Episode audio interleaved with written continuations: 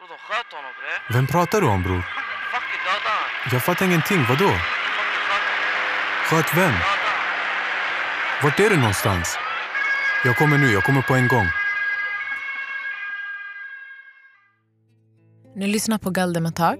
Jag heter Fatuma. Jag heter Nada. Och jag heter Sara. På grund av skjutningen som tog plats igår handlar dagens ämne om våld och framförallt det dödliga våldet.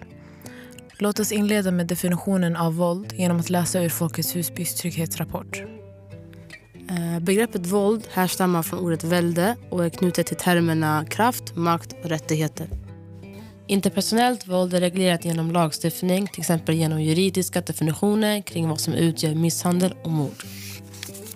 Symboliskt våld är våld som exempelvis uttrycker sig via kommunikation och kunskapsproduktion där media är en central aktör. Strukturellt våld kan exempelvis uttrycka sig som strukturell diskriminering i vården och i arbetsmarknaden. Igår kväll sköts en ung kille till döds här i Järvaområdet. Av respekt för familjen kommer vi inte gå ut med något namn men alla vid det här bordet känner honom. Han blev bara 19 år och var en jättefin kille. Han var en av många som råkade vara på fel plats vid fel tillfälle. Alltså, det är den. Det är viktigt att lyfta vid sådana här tillfällen hur andra drabbas av våldet. Det är inte bara personen i sig, utan andra omkring som också drabbas. Det här är ett kollektivt trauma som vi alla bär på. Mm, jag känner samma. Alltså. Det är sjukt walla. Alltså, det är mer aktuellt än någonsin. Men vi hör ingenting om det i media. Alltså, visst är det helt sjuka siffror, Sara?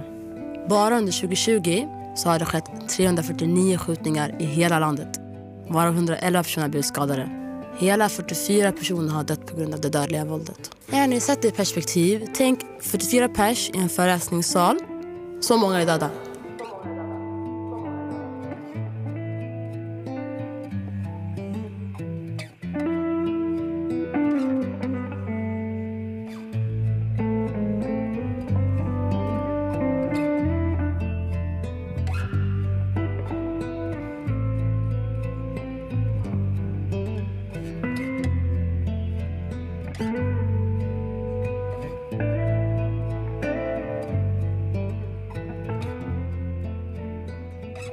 Nu vill jag ta en minut och vända mig till dig som lyssnar.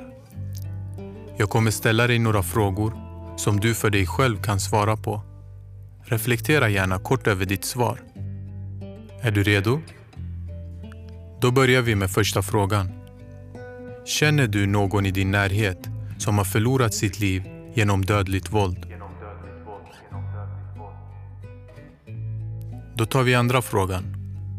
Har du någonsin blivit utsatt för diskriminering på grund av ditt namn, din hudfärg eller kanske ditt utseende? Okej. Sista frågan då. Vad är våld för dig? Är det en örfil? Kan det vara i form av en svordom? Eller kan våldet också uttryckas rent symboliskt